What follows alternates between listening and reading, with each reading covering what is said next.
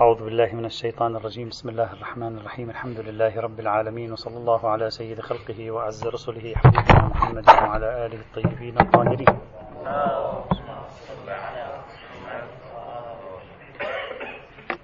كان الكلام في وصل بنا المطاف إلى آه، مسألة العصير العنبي واحدة من أهم المسائل التي فيها يعني فيها تحليلات جميلة إن شاء الله عند العلماء.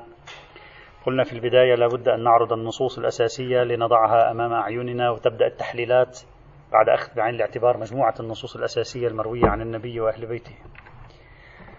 وصلنا إلى الرواية الثالثة بعد الرواية الأولى المختصرة والرواية الثانية التي تتكلم عن قصة آدم وإبليس في موضوع العنب. الرواية الثالثة خبر زرارة وهذه الرواية معتبرة عند المشهور. عن أبي جعفر عليه السلام قال لما هبط نوح من السفينة غرس غرسا. هذه هي الرواية التي أشار إليها كما قلنا بالأمس الشيخ الاشتهاردي. وهذه الرواية أصح سندا من رواية آدم وإبليس. يعني من حيث الصحة السندية هذه أصح سندا من رواية آدم وإبليس. لما هبط نوح من السفينة غرس غرسا وكان فيما غرس الحبلة. الحبلة يعني الكرم. الكرم يعني نبتة الكرم التي تخرج العنب. وفي نسخة النخلة ولكن الظاهر الحبلة. النخلة خطأ مطبعي. أو نسخي. ثم رجع إلى أهله. غرسها ورجع إلى أهله. فجاء إبليس لعنه الله فقلعها. ثم إن نوحا عليه السلام عاد إلى غرسه فوجده على حاله. ووجد الحبلة قد قلعت. ووجد إبليس لعنه الله عندها. فأتاه جبرائيل فأخبره أن إبليس لعنه الله قلعها. فقال نوح لإبليس ما دعاك إلى قلعها؟ فوالله ما غرست غرسا أحب إلي منها ووالله لا أدعها حتى أغرسها. فقال إبليس وأنا والله لا أدعها حتى أقلعها. هو يريد أن يغرسها وذاك يريد أن يقلعها. يعني وقعت المعركة. الظاهر أن إبليس شاف أن المعركة قد تكون فيها أضرار على المستوى يعني العدة والعتاد وعلى مستوى الأرواح. فبدأ يتفاوض دخل في مرحلة المفاوضات. يعني هو أول شيء قام بضربة عسكرية قلعها ثم بعد ذلك بدأ بمرحلة المفاوضات. فقال له اجعل لي منها نصيبا. الآن هذه مفاوضات مرحلة المفاوضات. قال فجعل له منها الثلث. هذا النبي نوح كريم. يعني هكذا. طبعا أنا أفهم هذه الروايات على أنها أقرب إلى الرمزية. تريد أن تعلمنا القصة أكثر من أن تكون واقعية يعني بالمعنى الحرفي يعني تقريب الفكرة إلى الأذهان والله لا عالم فقال له اجعل لي منها نصيب. قال فجعل له منها الثلث. فأبى أن يرضى. فجعل له النصف. فأبى أن يرضى. فأبى نوح عليه السلام أن يزيده. قال فقط النصف النصف خلاص. أنت نحن صاحب الدار وتريد أنت أن تأخذ الدار وتطردنا خارجا. فأبى نوح عليه السلام أن يزيده. فقال جبرائيل عليه السلام لنوح دخل جبرائيل الآن على الخط اللي هو هناك ورد تعبير الروح القدس. دخل جبرائيل على الخط. الآن جبرائيل هم يبدو عليه ماذا؟ يبدو عليه سلس في المفاوضات. أنا فقط يعني من باب الممازحة لتقريب الفكرة. فقال جبرائيل لنوح يا رسول الله أحسن فإن منك الإحسان. أعطيه زيادة لا بأس. فوق النصف أيضا لا بأس. يعني تعبير الفارس سخت من نبشير فعلم نوح عليه السلام أنه قد جعل له عليها سلطانا. يعني لما قال جبرائيل ذلك نوح يعني كأنما بإشارة دبلوماسية فهم أن القضية يعني خلاص ينبغي أن يعطيه. فجعل نوح له الثلثين. صار ثلثي العنب لإبليس والثلث لنوح. فقال أبو جعفر عليه السلام الآن الإمام الباقر آه، يعلق على القصة. يقول فإذا أخذت عصيرا فاطبخه حتى يذهب الثلثان وكل واشرب فذاك نصيب الشيطان. إذا أخذت عصير اطبخه حتى يذهب الثلثان والباقي كل واشرب منه فذاك فذاك أي فذاك؟ يعني الثلثان الذين ذهبا فذاك نصيب الشيطان. هذا ليس نصيب الشيطان هذا نصيبك أنت. هذا الرواية. هذه الرواية طبعا واردة في الكافي. ووارد شيء شبيه فيها أيضا بالمضمون يعني إشارات في كتاب سنن النساء أيضا. تفضل.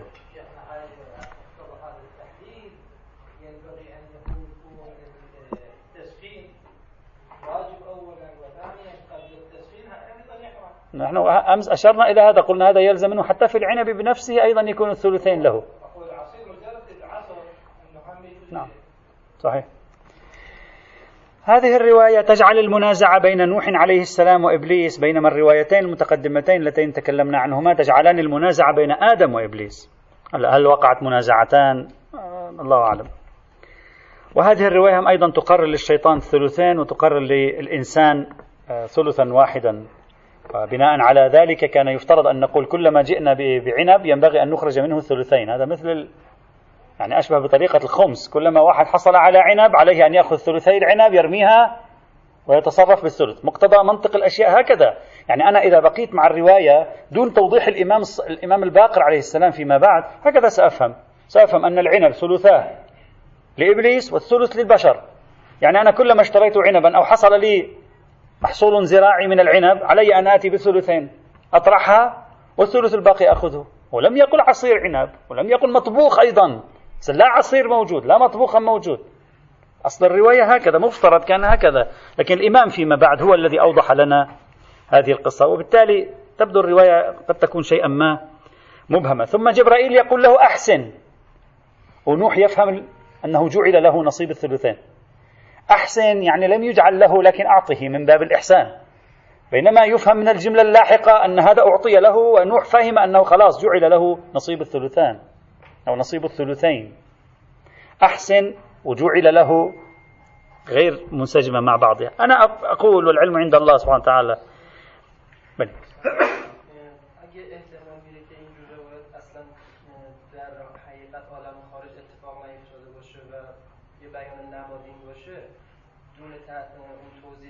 میشه به خودش برای حکم برداشت کردن يبدو لوحدها التي بقيت تشير إلى أن الشيطان له شيء في العنب. أما كيف هو على أي شيء هو لا أدري. لكن إذا أريد أن أستنتج منها نتيجة أخذها بطريقة حقيقية فعلا كنتيجة فقهية. نعم ثلثي العنب يجب أن يرمى. كل ما حصلت على مقدار من عنب يجب أن ترمي ثلثين هكذا. الآن أنت لو لو بقيت والرواية بدون توضيح الإمام بدون سائر الروايات ماذا تفهم؟ تفهم كل عنب فثلثاه للشيطان.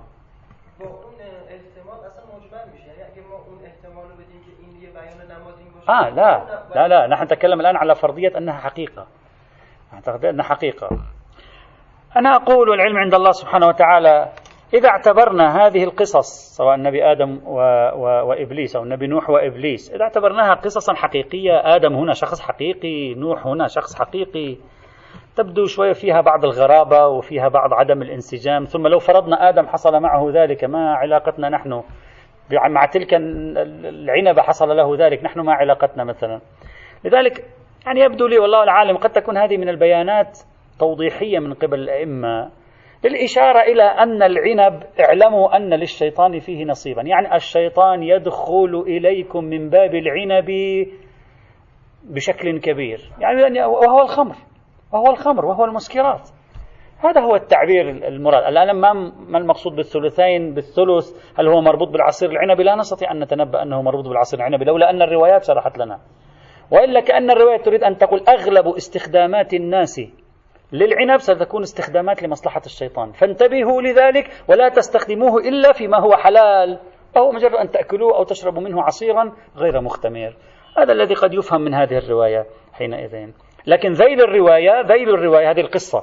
ذيل الرواية كلام واضح للإمام يبين حكما شرعيا في عدم جواز أكل أو تناول العصير العنب المغلي إلا إذا ذهب الثلثان. الرواية الرابعة معتبرة سعيد بن يسار. أيضا رواية صحيحة الإسناد.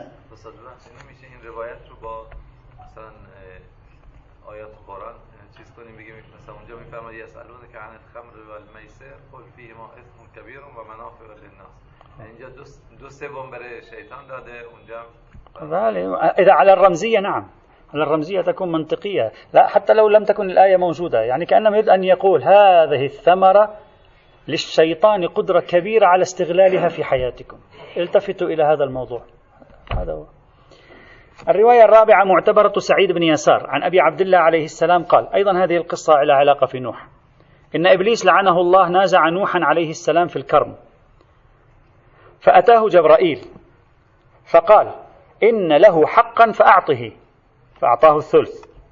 فلم يرضى إبليس ما رضي بالثلث. فلم يرضى إبليس ثم أعطاه النصف.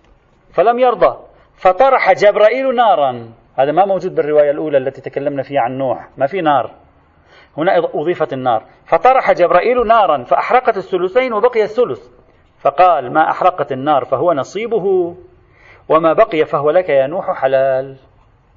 يفهم من قرينة المقابلة هذه حلال ذاك نصيبه أن ذاك الثلثين حرام. طبعا الرواية لا ترتبط مباشرة بفكرة العصير. لا ندري ما المقصود بالثلث والثلثين. يعني مبهمة لكن بضمها إلى روايات الباب نستطيع أن نفهم أن الرواية أشارت إلى فكرة الثلث والثلثين الموجودة في موضوع العصير العنبي. وإلا أنت لو تصورت أنه لا يوجد إلا هذه الرواية فقط. ماذا تفهم منها؟ لا تستطيع أن تفهم منها فكرة الثلث والثلثين في خصوص العصير العنبي. فضم الروايات إلى بعضها يساعد على وضوح هذه الفكرة. أريد أن أضيف فكرة هنا إخوان الأعزاء.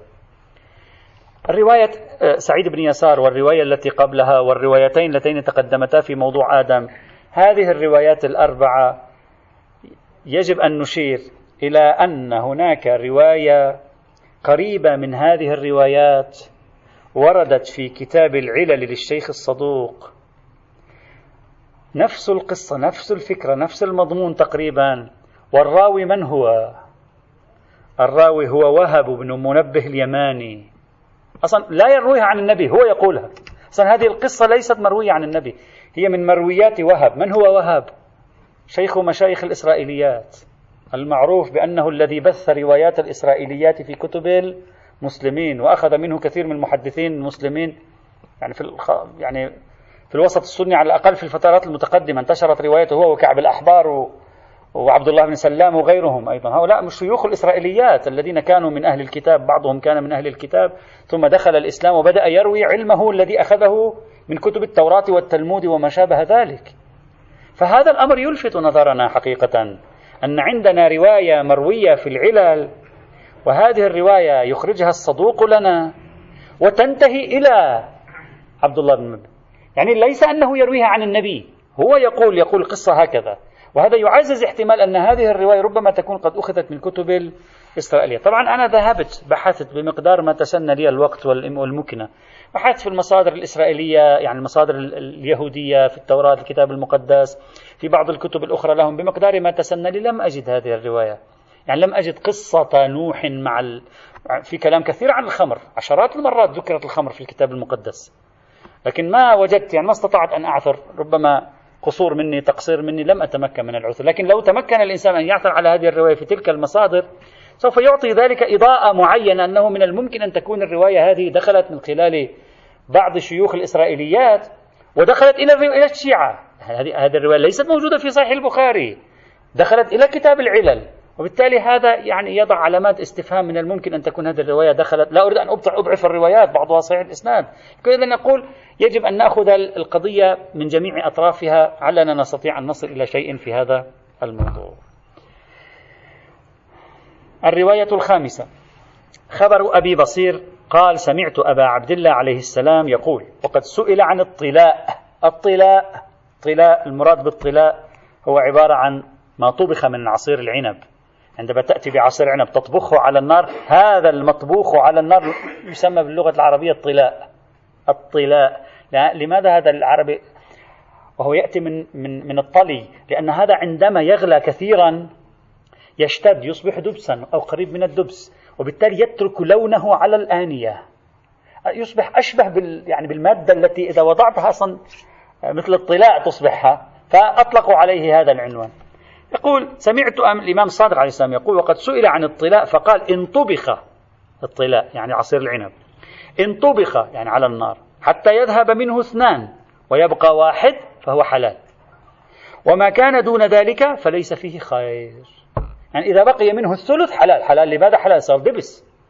وإذا لم يبق منه الثلث بقي الثلثان أو ما زال كما كان فهو حرام لا خير فيه.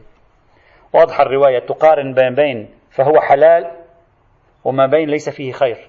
المقارنة تعطي أن ليس فيه خير على ما يبدو يعني قد توحي بأن هذا معناه الحرمة. وقد شخص يقول لا حلال يعني زكي طيب. ليس فيه خير يعني مرجوح. يعني كأنما حلال نحن ننصحكم بأكله. إذا شخص شكك هذا بحث آخر. لكن بقرينة المقابلة قد يفهم أنه حرام إلا إذا ذهب الثلث ثلثان وبالتالي تدل الرواية على المطلوب. إلا أن الرواية ضعيفة الإسناد بعلي بن أبي حمزة البطائن الرواية السادسة خبر محمد بن الهيثم عن رجل عن أبي عبد الله قال سألته عن العصير يطبخ بالنار حتى يغلي من ساعته فيشربه صاحبه. قال إذا تغير عن حاله وغلى فلا خير فيه حتى يذهب ثلثه ويبقى ثلثه. دلالة واضحة صارت ولكن الرواية ضعيفة بالإرسال. الرواية السابعة صحيحة ابن أبي يعفور عن أبي عبد الله عليه السلام قال إذا زاد الطلاء على الثلث فهو حرام. يعني لازم ينزل إلى الثلث. وفي طريق آخر لابن أبي يعفور قال إذا زاد الطلاء على الثلث أوقية واحدة أوقية فهو حرام. الرواية بطريقها الأول معتبر بطريقها الثاني مرسل. دلالتها صارت واضحة لا نطيل. الرواية الثامنة. فقط هذه الروايات خليها في بالنا فيما بعد. كل عملنا سيكون على هذه الروايات. الرواية الثامنة خبر حماد بن عثمان وهذا خبر أيضا معتبر على المشهور. عن أبي عبد الله عليه السلام قال لا يحرم العصير حتى يغلي. العصير لا يحرم إلا إذا غلى. هذه الرواية الآن دققوا معي جيدا. أن هذه الرواية سوف يأتي مثلها عدة روايات. ماذا في أين وضعوها هذه الرواية؟ وضعوها في العصير المغلي في العصير المطبوخ في باب العصير العنبي. لكن هذه الرواية في الحقيقة لو تأملتم بها تحتمل احتمالين. تحتمل أنها ناظرة إلى العصير العنبي فتكون لها علاقة ببحثنا. وتحتمل أنها ناظرة إلى الاختمار. هي لم يقل حتى يغلي حتى يطبخ فيغلي. لاحظ لا يحرم العصير. العصير أي عصير؟ لا يحرم حتى يغلي. ما معنى يغلي؟ يعني يحدث فيه الحركة والقلب يقلب. وهذا معنى الاختمار. فقد تكون نظرها إلى الخمر. يعني العصير العنبي حلال لكن إذا وجدته بعد أن تركته في البيت يغلي هذا صار حرام صار مسكر يعني صار خمر. فلا تكون الرواية لها علاقة ببحثنا. نحن نبحث هذا مهم جدا إخوان الأعزاء نحن نبحث في عصير عنبي وضعناه على نار طبخناه فغلى صار حراما حتى يذهب الثلثان. نحن لا نتكلم في عصير عنبي غلا بنفسه الغليان الذاتي يعني انقلب بنفسه وبذاته. هذا صار خمر هذا لا يناقش فيه أحد كما قلنا بالأمس. إذا الرواية ليست واضحة. قد يكون المراد لا يحرم العصير حتى يغلي يعني على النار فتكون لها علاقة ببحثنا. قد يكون المراد العصير كل عصير حلال حتى يحدث فيه الغليان التفاعل. فإذا حدث الغليان صار مسكر فيكون حراما. لا بعنوان العصير العنبي وعلى حال الرواية تحتمل احتمالين وصعب أن نستفيد منها في المقام. الرواية التاسعة. خبر عبد الله بن سنان أيضا هذه رواية معتبرة على المشهور. قال قال أبو عبد الله إن العصير إذا طبخ هذه مفيدة طبخ طبخ يعني عصير عنب مغلي. إن العصير إذا طبخ حتى يذهب ثلثاه ويبقى ثلثه فهو حلال. مفهوم هذه الرواية أنه إذا لم يذهب الثلثان فهو حرام. طبعا هذه الروايات بالمناسبة إخوان الأعزاء الشيء الذي لاحظته من تتبع روايات بحث الخمر المسكرات العصائر الأنبذة الفقاع أغلبيتها الساحقة أساسها من كتاب الكافي. وأقل شخص روى لنا هو الشيخ الصدوق في موضوع المسكرات والخمر. نسبيا نتكلم. والتهذيب غالب رواياته أخذها من الكافي يعني الكافي يرجع إليه الفضل في الحصول على أغلب روايات باب الخمر المسكرات الفقاع وهذه تلفت النظر. يعني كان يركز كثيرا على ما يبدو جدا كان مهتم بالموضوع وربما فيما بعد لم يجدوا أهمية لكي يأتوا بالروايات مرة أخرى اكتفاء بما في الكافي فاعتمدوا عليه. كل واحد ذكر بضعة روايات قليلة والباقي كله موجود في كتاب الكافي. هذه نقطة مهمة. أغلب هذه الروايات كافي والتهذيب نقل عن الكافي. أغلب هذه الروايات. الرواية العاشرة خبر محمد بن عاصم عن أبي عبد الله قال لا بأس بشرب العصير ستة أيام. قال ابن أبي عمير معناه لم يغلي. ابن أبي عمير وضح معناه لم يغلي. هذه الرواية سواء وضعنا توضيح ابن أبي عمير أو حذفنا توضيح ابن أبي عمير. لا تنفعنا هنا في شيء. بالعكس هذه الرواية أقرب إلى أن يكون لها علاقة بالخمر. لأن ما معنى ستة أيام؟ هو لا, لا أحد يضع العصير ستة أيام على النار. هذا معناه يريد أن يقول انتبهوا إلى عصائركم. هذا جدا مهم تنبيه في تلك الأزمنة. انتبهوا أيها المسلمون إلى عصائركم. إن وضعتموها في البلاد الحارة. إن وضعتموها ستة أيام. هذه تتفاعل. تصبح مغلية. مغلية يعني بذاتها. يعني تصبح مسكرا أو خمرا. فالرواية لا تتكلم عن العصير العنبي. حتى لو وضعها الفقهاء المحدثون أين؟ وضعوها في باب العصير العنبي. لكن ظاهر الرواية أنها تتكلم عن العصير المختمر بذاته. يعني البالغ حد الإسكار. فيشمله دليل المسكر ويشمله دليل الخمر. حتى مع توضيح ابن أبي عمر ابن عمر ماذا قال؟ قال معناه ما لم يغلي، فستة أيام لم يغلي، ما معنى لم يغلي؟ يعني لم يغلي بنفسه، لم لم ي... ستة أيام تضعها على النار لا تغلي، بعد ستة أيام يبدأ الغليان، هذا بعيد. إذا هذه الرواية ينبغي إخراجها من بحثنا هنا بناء على أن بحث العصير العنبي عنوان مستقل بنفسه كما سيأتي بحثه. طبعا هذه الرواية من حيث الإسناد ضعيفة بمحمد بن عاصم. محمد بن عاصم توثيقه مبني على دليلين أساسيين عند علماء الرجال. الدليل الأول أن اسمه ورد في كتاب كامل الزيارات وليس من المشايخ المباشرين وهذا مبني على توثيق كل رجال كامل الزيارات وهو مبنى محل نقاش كما بيناه في محله. وكثير من العلماء أيضا هجروا هذا المبنى. الدليل الثاني رواية هو يرويها. يقول كان يجلس هو مع الواقفة. الواقفة مذهب الواقفة الواقفية كان هو عنده مراودات معهم يجلس معهم. فالإمام يقول له لا تجلس مع هؤلاء لأن هؤلاء يستهزئون بالأئمة. ويستدل الإمام لذلك بقوله تعالى أنه إذا يعني رأيتم آيات الله يكفر بها ويستهزأ بها فلا تقعدوا معهم حتى يخوضوا في حديث غيره. فيقول آيات الله نحن آيات الله نحن. فبناء عليه يقول له لا تجلس مع هؤلاء. هذه الرواية. وهذه الرواية لا نستطيع أن نثبت فيها إلا أنه شيعي إمامي مثلا أو شيعي ليس واقفيا. أما لا نستطيع أن نثبت وثاقته هو يروي الرواية لا يمكن إثبات وثاقة شخص بروايته هو كما هو واضح. بل الإمام الخميني كان عنده التفاتة لطيفة يقول بل لا يبعد في بعض الأحيان إذا روى الراوي ما يثبت مدحا له ووثاقة من الإمام. هذا لا يبعد أن يكون محل تأمل لأن هذا يريد أن يبين نفسه في الأمة. أترى أنا الإمام مدحني؟ أنا الإمام كذا قال في حقي كذا. هذا مدعاة للكذب أصلا بل مدعاة لذمه في بعض الموارد على الأقل.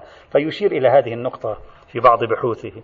فالرواية من جهة محمد بن عاصم لا يمكن إثباتها سنة لكن تنفع في بضمها إلى مجموعة الروايات في الباب.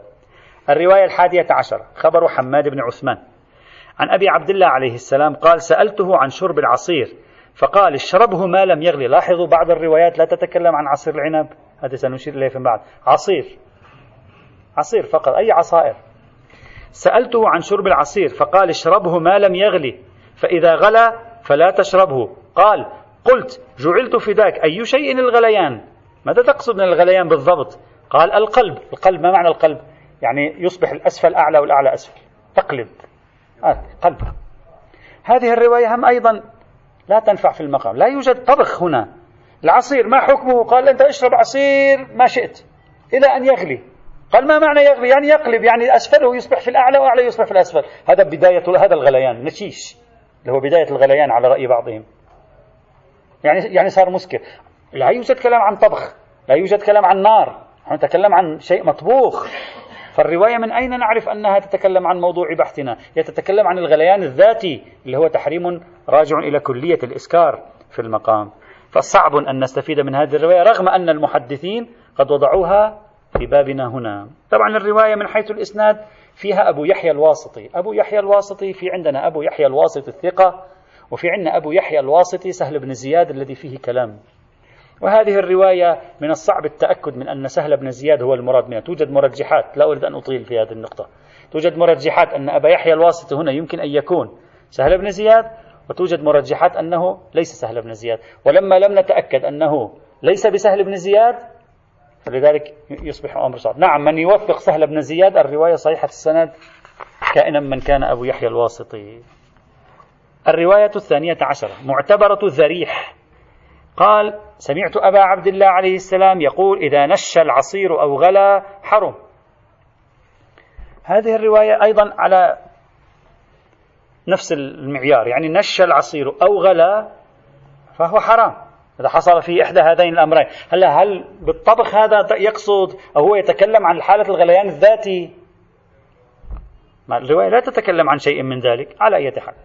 طبعا هذه الرواية وردت إذا نش العصير أو غلى حرم المجلسي الأول عفوا المجلسي في بحار الأنوار قال هذه الرواية ذكرت بالعطف بالواو. إذا نش العصير وغلى حرم بناء عليه في عندنا نقل أنها بالواو وعندنا نقل أنها بأو. وطبعا هذا سيأتي بحثه إن شاء الله تعالى. فرق بين النشيش والغليان. هل النشيش غير الغليان؟ فبتكون كلمة أو مهمة هنا. فوقع كلام بينهم في مثل هذه القضية. لكننا بعد المراجعة. رأينا أن الرواية وردت هكذا إذا نش العصير أو غلا حرم لم نجد العطف بالواو في أي نسخة من نسخ الكافي حتى بعد مراجعة الطبعة المحققة في دار الحديث التي اعتمدوا فيها على عدد كبير من نسخ الكافي لا يوجد أصلا في أي نسخة من نسخهم التي وصلت إليهم العطف بالواو. هذا أولا. ثانيا في الوسائل العطف أيضا بأو. يعني صاحب الوسائل النسخة التي وصلته من الكافي بأو وليست بالواو. صاحب البحار الذي نقل لنا هذا الأمر نقله بالعرض في أثناء بحث آخر. وهو بنفسه في كتاب هو بنفسه في كتاب مرآة العقول وفي كتاب ملاذ الأخيار هو بنفسه نقل الرواية بأو. لكنه في البحار في موضع هكذا أشار إلى أن الرواية بالواو. لعله سهو العلم عند الله تعالى. آه، لذلك أرجح أن الرواية هي بأو. نسخ الكافي كلها على ما يبدو وصلت بأو. ما جاء في كتاب تهذيب الأحكام أيضا بأو ما جاء في مرآة العقول بأو ملاذ الأخيار أو الوسائل أيضا أو وكذلك نقل الفيض الكاشاني في الوافي أو كل هذا يعزز أن النسخة الراجحة هي نسخة أو. نعم أشار صاحب البحار في موضع إلى الواو وأبوه أيضا أشار في موضع إلى الواو ولعله أخذها من, من أبيه. وربما تكون نسخة وصلت إلى المجلسي الأول فيها حرف الواو فالتبس الأمر عليه والأرجح أنها نسخة ضعيفة إذ كل النسخ الأخرى على ما يبدو الترجيح فيها بأو. فالراجح هنا أن تكون بأو.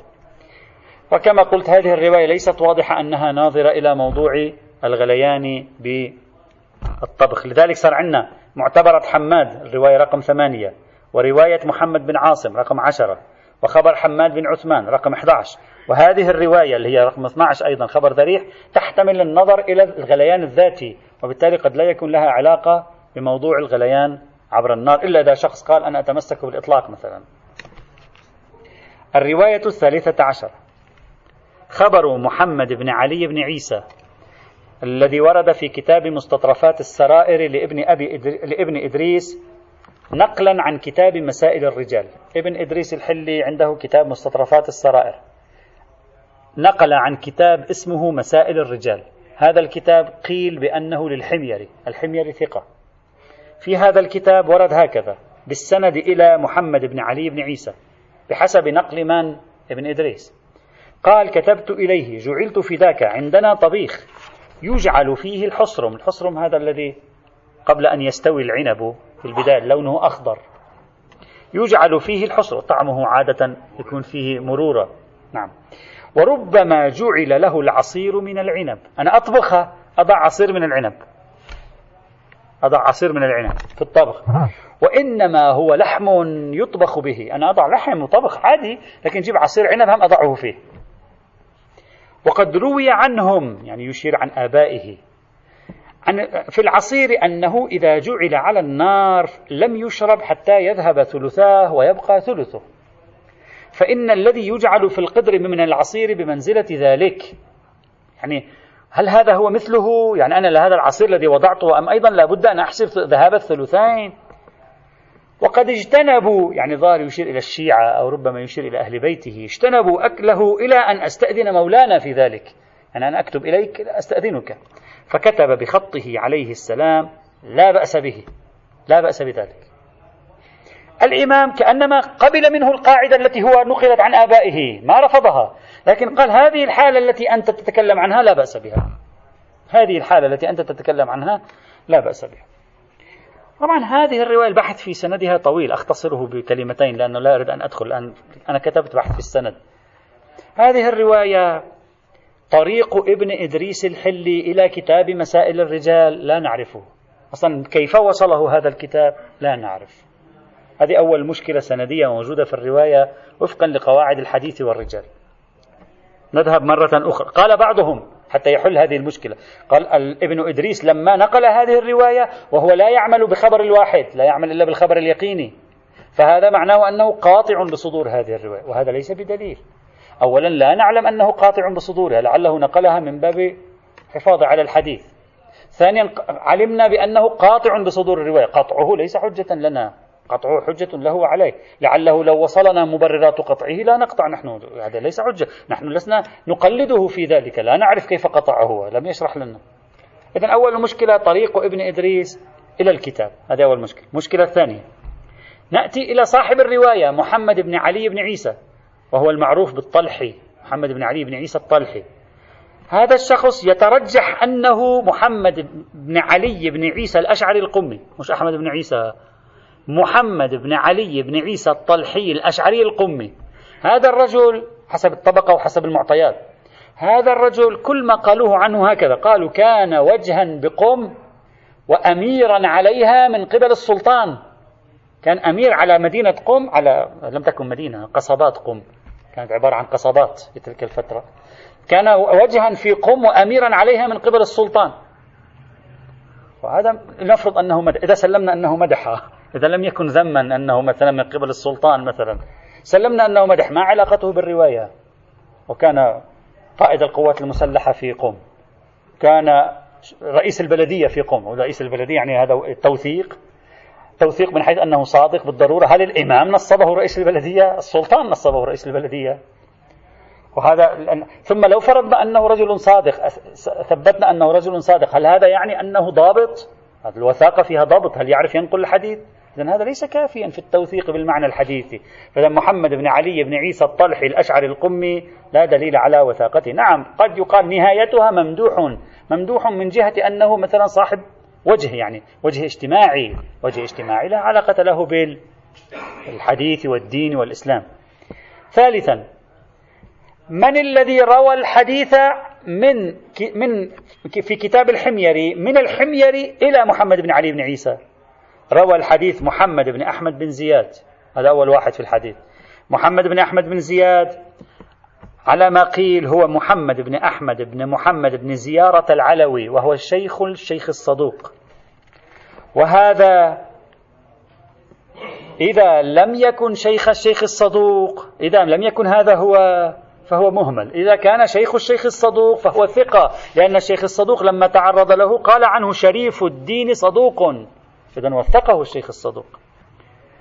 إذا هذا إذا أثبتنا أنه عين شيخ الشيخ الصدوق فتكون فيكون هذا الرجل ثقة. إذا لم نستطع أن نثبت الرجل مهمل. هذا الرجل يروي عن موسى بن محمد بن علي بن عيسى يعني ابن الراوي الحقيقي الأصلي. هذا الشخص محتمل أن يكون ليس بعيدا أيضا هو موسى بن محمد الأشعري القمي المؤدب. هذا الشخص إذا لم يكن هذا فهو مهمل.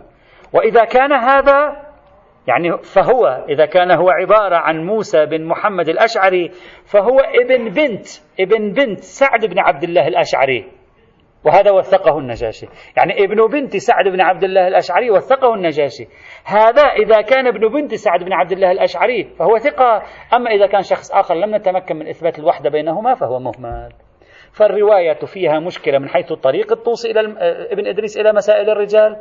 من حيث محمد بن علي بن عيسى وعلى احتمال في الراويين اللذين نقلا الرواية عن محمد بن علي بن عيسى. فالرواية من حيث الإسناد صعب إثباتها بل أكثر من ذلك لا أريد أدخل كثيرا. كم يمكن أن يكون الحميري يروي عن ابن زيارة؟ هذا فيه بحث أيضا اتركه على أي حال طبعا هذه الرواية خلقت مشكلة. هذه الرواية مشكلة. تعرف ما معنى مشكلة؟ يعني هذه الرواية أنت وضعت عصير العنب في الطعام غلا. الإمام قال لا بأس. بعضهم قال استهلك العصير. كيف عرفوا أنه استهلك؟ لا ندري. هل, هل قال له وضعت مقدارا بسيطا؟ قال له وضعت مقدار لعله مقدار معتد به. من أين نعرف أنه استهلك؟ بعضهم قال استهلك.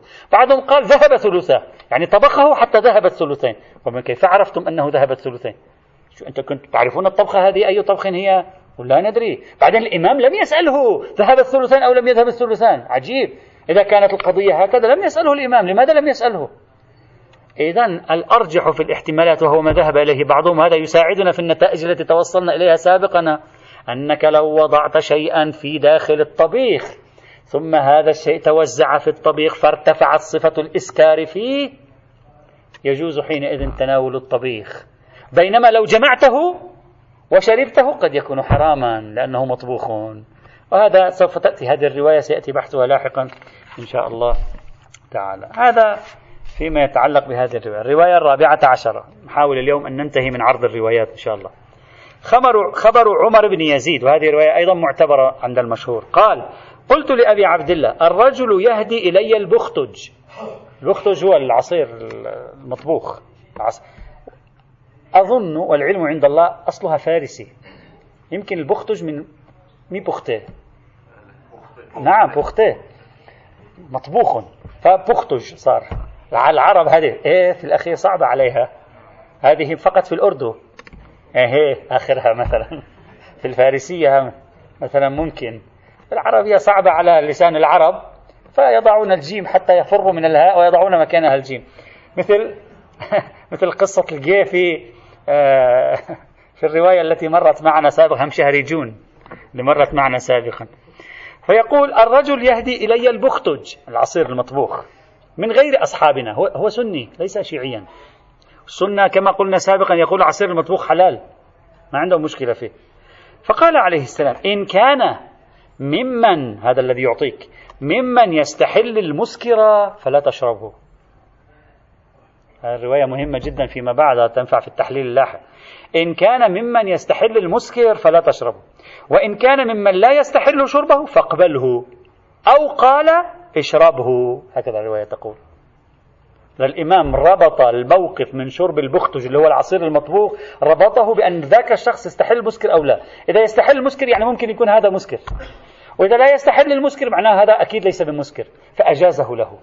وهذه الرواية من الروايات التي سنرى لاحقا أنه يستفاد منها ربط فكرة العصير العنبي بالمسكر وأن العصير العنبي المغلي ليس عنوانا قائما بنفسه بل هو عنوان مربوط بقضية الإسكار وسيأتي بحثه إن شاء الله تعالى. نعم عنوان طريقي. الرواية الخامسة عشرة معتبرة عمر بن يزيد هذه رواية أخرى له أيضا. قال أبو عبد الله إذا كان يخضب الإناء فاشربه. ما معنى يخضب الإناء؟ الخضاب الخضاب نعرف الخطاب. إذا كان العصير هذا الفكرة جملة مختصرة جدا. العصير إذا يخضب الإناء اشربه. ما معنى يخضب الإناء؟ ما هو العصير إذا غليته فصار دبس ذهب الثلثان الدبس صار ما معنى؟ يعني إذا أنت أنت أنت رفعت الدبس من الإناء الإناء يصبح لونه مخضبا بلون الدبس. يعني هذه كناية عن صيرورته دبسا. يخضب الإناء يعني كناية عن صيرورته دبسا. يعني إذا صار دبسا لا بأس. إذا ما صار فهو مفهومه أنه حرام لا يجوز شربه. إذا كان يخضب الإناء فاشربه. طبعا كل هذه عناوين سنرى فيما بعد مساعدة للكشف عن المسكرية. أن يخضب الإناء. ليس له الآن لو صنعنا إناء من هذه الأواني التي لا تحتفظ باللون. بعض الأنواع لا يخضب الإناء. يجوز شربه؟ لا يجوز. أو صنعنا إناء قد يجوز شربه إذا صار دبسا. أو صنعنا إناء يخضب حتى بمقدار بسيط. يجذب اللون إليه. معنى ذلك يجوز شربه إذا كان لم يذهب الثلثين؟ طبعا لا يجوز. إذا هذه كلها وسائل ومؤشرات يعلمها الأئمة للناس بوصفها أمارات غالبية لحصول الحالة التي هي المناط في الحقيقة. وعلينا أن نكتشف المناط ما هو من خلال تتبع مجموع الروايات.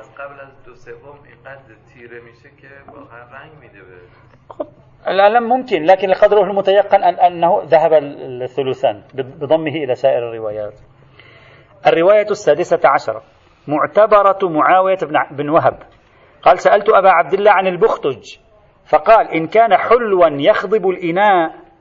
وقال صاحبه يعني الذي أعطاك إياه وقال صاحبه قد ذهب ثلثه وبقي ثلثه فاشربه. هذه الرواية توضح التي سبقتها. إن كان حلوا يخضب الإناء. لأن الدبس حلو. يخضب الإناء. وقال لك صاحبه قد ذهب الثلثان وبقي الثلث فاشربه. يعني إن كان لا يخضب الإناء أو ما كانت القضية قضية ذهاب الثلثين يعني حرام الشرب. كما هو واضح.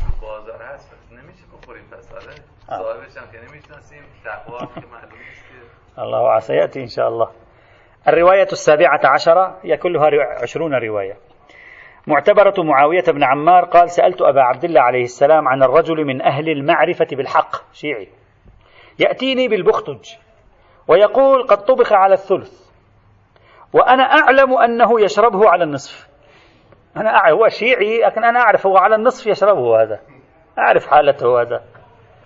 أفأشربه بقوله وهو يشربه على النصف؟ فقال لا تشربه. هذا ما دام يعني تعرف وضعه هذا إذا كان يشربه على النصف يعني ليس صعب عليه يكذب ليس صعب عليه يكذب طيب فقلت فرجل من غير أهل المعرفة ممن لا نعرفه. سني مثلا. يشربه على الثلث هو يشربه على الثلث ولا يستحله على النصف.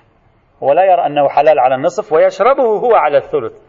يخبرنا أن عنده بختجا على الثلث. قد ذهب ثلثاه وبقي ثلثه. نشرب منه؟ قال نعم. يعني ذاك الشيعي الذي يشربه على النصف. الشيعي يشربه على النصف. ويقول طبخ على الثلث هذا لا نأخذ بقوله. السني الذي يشربه على الثلث ويقول طبخ على الثلث هذا نأخذ بقوله. الإمام ما المقصود من الفكرة؟ المقصود من الفكرة أن تنظر في طبيعة الرجل احتمالات صدقه ما هي. يعني القضية ليست قضية ما هو مذهبه احتمالات صدقه ما هي. ما دام هو لا يستحله إلا على الثلث وهو يشربه على الثلث معناته احتمالات صدقه كبيرة. بينما ذاك حيث يشربه على النصف معناته ممكن يقول لك يلا هذا على الثلث هذا يلا اشرب. فاحتمالات كذبه عالية. فالإمام يعني يوازن القضية حسب الاحتمالات. ولا يوازن القضية حسب طبيعة الرجل ما يهمه طبيعة الرجل. طبعا هذه الرواية في في نسخة في كتاب التهذيب والرسائل العشر هكذا قال خمر لا تشربه. في الجواب الأول استخدم كلمة خمر وهذه ستنفعنا إن شاء الله في البحوث اللاحقة. آه نعم خبر الوثوق. الرواية الثامنة عشر معتبرة عمار بن موسى الصاباطي في حديث قال وعن الرجل يأتي بالشراب فيقول هذا مطبوخ على الثلث. هذا كله يدل على أن كانت مسألة ابتلائية هذه قضية العصائر. من أكبر المسائل الابتلائية كانت. شوف حجم الأسئلة إلى الآن. سابقا هم مر معنا أسئلة. يأتي بالشراب فيقول هذا مطبوخ على الثلث. قال إن كان مسلما ورعا مأمونا فلا بأس أن يشرب. أنا أهم شيء كنت تثق به هذا شخص مأمون. لا بأس. مثل هذه الرواية قريب منها رواية أخرى وهي رواية علي بن جعفر. الرواية التاسعة عشرة قبل الأخيرة. آه. على يتحش الرواية التاسعة عشرة خبر عقبة بن خالد عن أبي عبد الله قال في رجل أخذ عشرة أرطال من عصير العنب فصب عليه عشرين رطلا ماء وطبقها حتى ذهب منه عشرين رطلا عشرون رطلا وبقي عشرة أرطال. يعني ذهب الثلثان. أيصلح شرب ذلك أم لا؟ فقال ما طبخ على ثلثه فهو حلال. إذا يراد الاستفادة منها بمفهومها يعني ما لم يطبخ على ثلثه فهو حرام. دلالتها مشعرة على الأقل لكن الرواية ضعيفة السند بعقبة بن خالد. بودين نعم.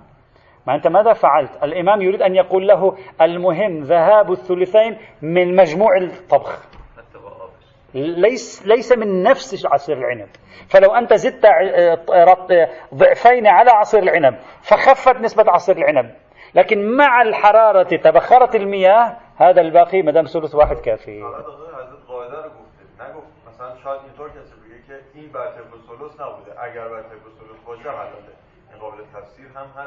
كيف؟ لا قال الإمام قال ما طبخ على ثلثه فهو حلال يعني يجيب عنها. هو هذا هذا نفس استغرابكم هذا أي جواب؟ دليل على أنه يجيبه عن حالته. هو إذا لم يكن الإمام ناظر إلى حالته ويقول له طبخ على ثلثه.